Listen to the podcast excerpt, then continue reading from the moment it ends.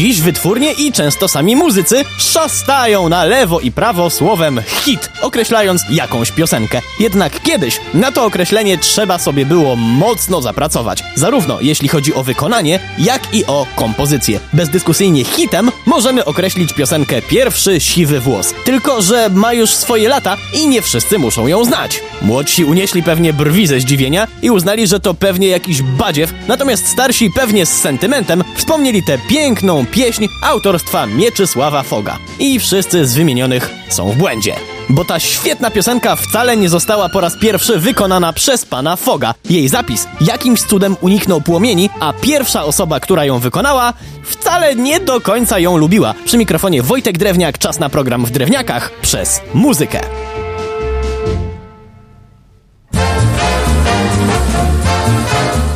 Zanim to wspaniałe tango, tak, tango, podbiło uszy słuchaczy, to długie lata przeleżało w szufladzie. Cofnijmy się zatem do czasów mało wesołych, do okresu II wojny światowej, kiedy to pomimo niewesołych okoliczności pan Henryk Jabłoński, kompozytor, tworzył świetne utwory. Był artystą niesamowicie płodnym, do tego stopnia, że kiedy skończył mu się papier do zapisu nutowego, to zapisywał kawałki na zwykłych kartkach i odkładał do szuflady aż do momentu, jak zapełniła się tak bardzo, że nie szło jej zamknąć. 아, W końcu pan Henryk powiedział do swojej żony: Wiesz co, spal to. Po wojnie napiszę więcej i lepiej. I tak skończyłaby się historia muzyki, która później stała się melodią pierwszego siwego włosa, gdyby nie mądrzejsza połowa tego małżeństwa. Pani Jabłońska uznała, że nie, nie ma mowy i zastosują selekcję. Każda z szufladowych melodii miała zostać w ramach ostatniej szansy odegrana jeszcze raz na lekko rozstrojonym domowym pianinie. Jeśli się podobała, to zostawała niespalona. Jakże Jabłoński musiał być wdzięczny żonie, kiedy po wojnie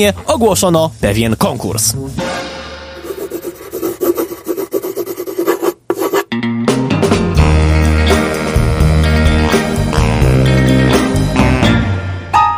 Otóż w latach 50., kiedy Henryk Jabłoński był już współpracownikiem gdańskiej rozgłośni radiowej, to ni z tego, ni owego spadła na niego wielka odpowiedzialność. Absolutna ikona polskiej muzyki Władysław Szpilman, wtedy już z zawodu kierownik działu muzyki lekkiej Polskiego Radia, zarządził konkurs na najfajniejszą piosenkę. I nie ma, że nie! Udział miały wziąć wszystkie lokalne rozgłośnie.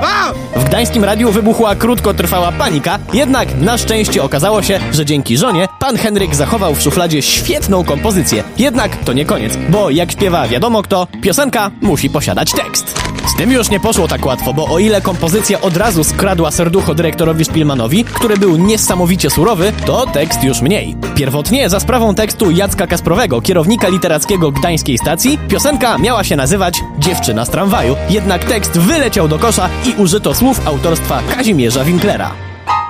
No to okej, mamy dobrą muzykę i tekst, to teraz trzeba jeszcze znaleźć wykonawców. Oprawę muzyczną powierzono absolutnym zawodowcom, orkiestrze tanecznej Polskiego Radia, natomiast zaśpiewać miała ją 36-letnia Marta Mirska.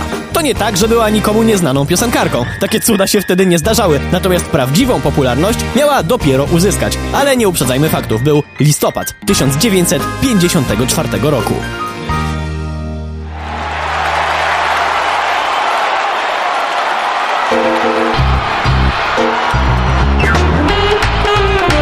Konkursowe piosenki zostały zaprezentowane w czasie wielkiego koncertu w stołecznej gali. I mimo silnej konkurencji, pierwszy siwy włos absolutnie skradł serca wszystkich na sali. Piosenka nie tylko wygrała konkurs, ale Marta Mirska bisowała.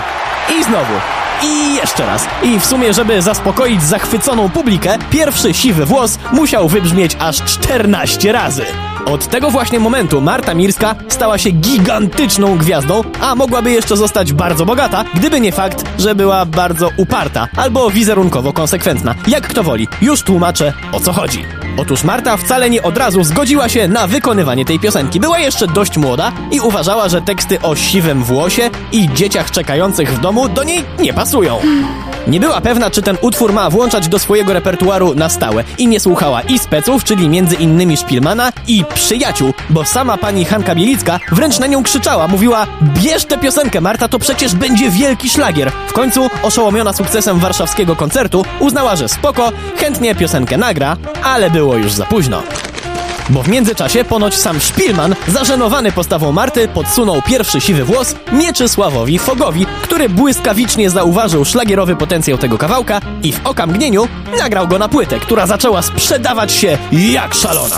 I to właśnie dlatego Mieczysław Fog, który tą piosenkę tylko spopularyzował, dziś przez wielu uważany jest za jej oryginalnego wykonawcę.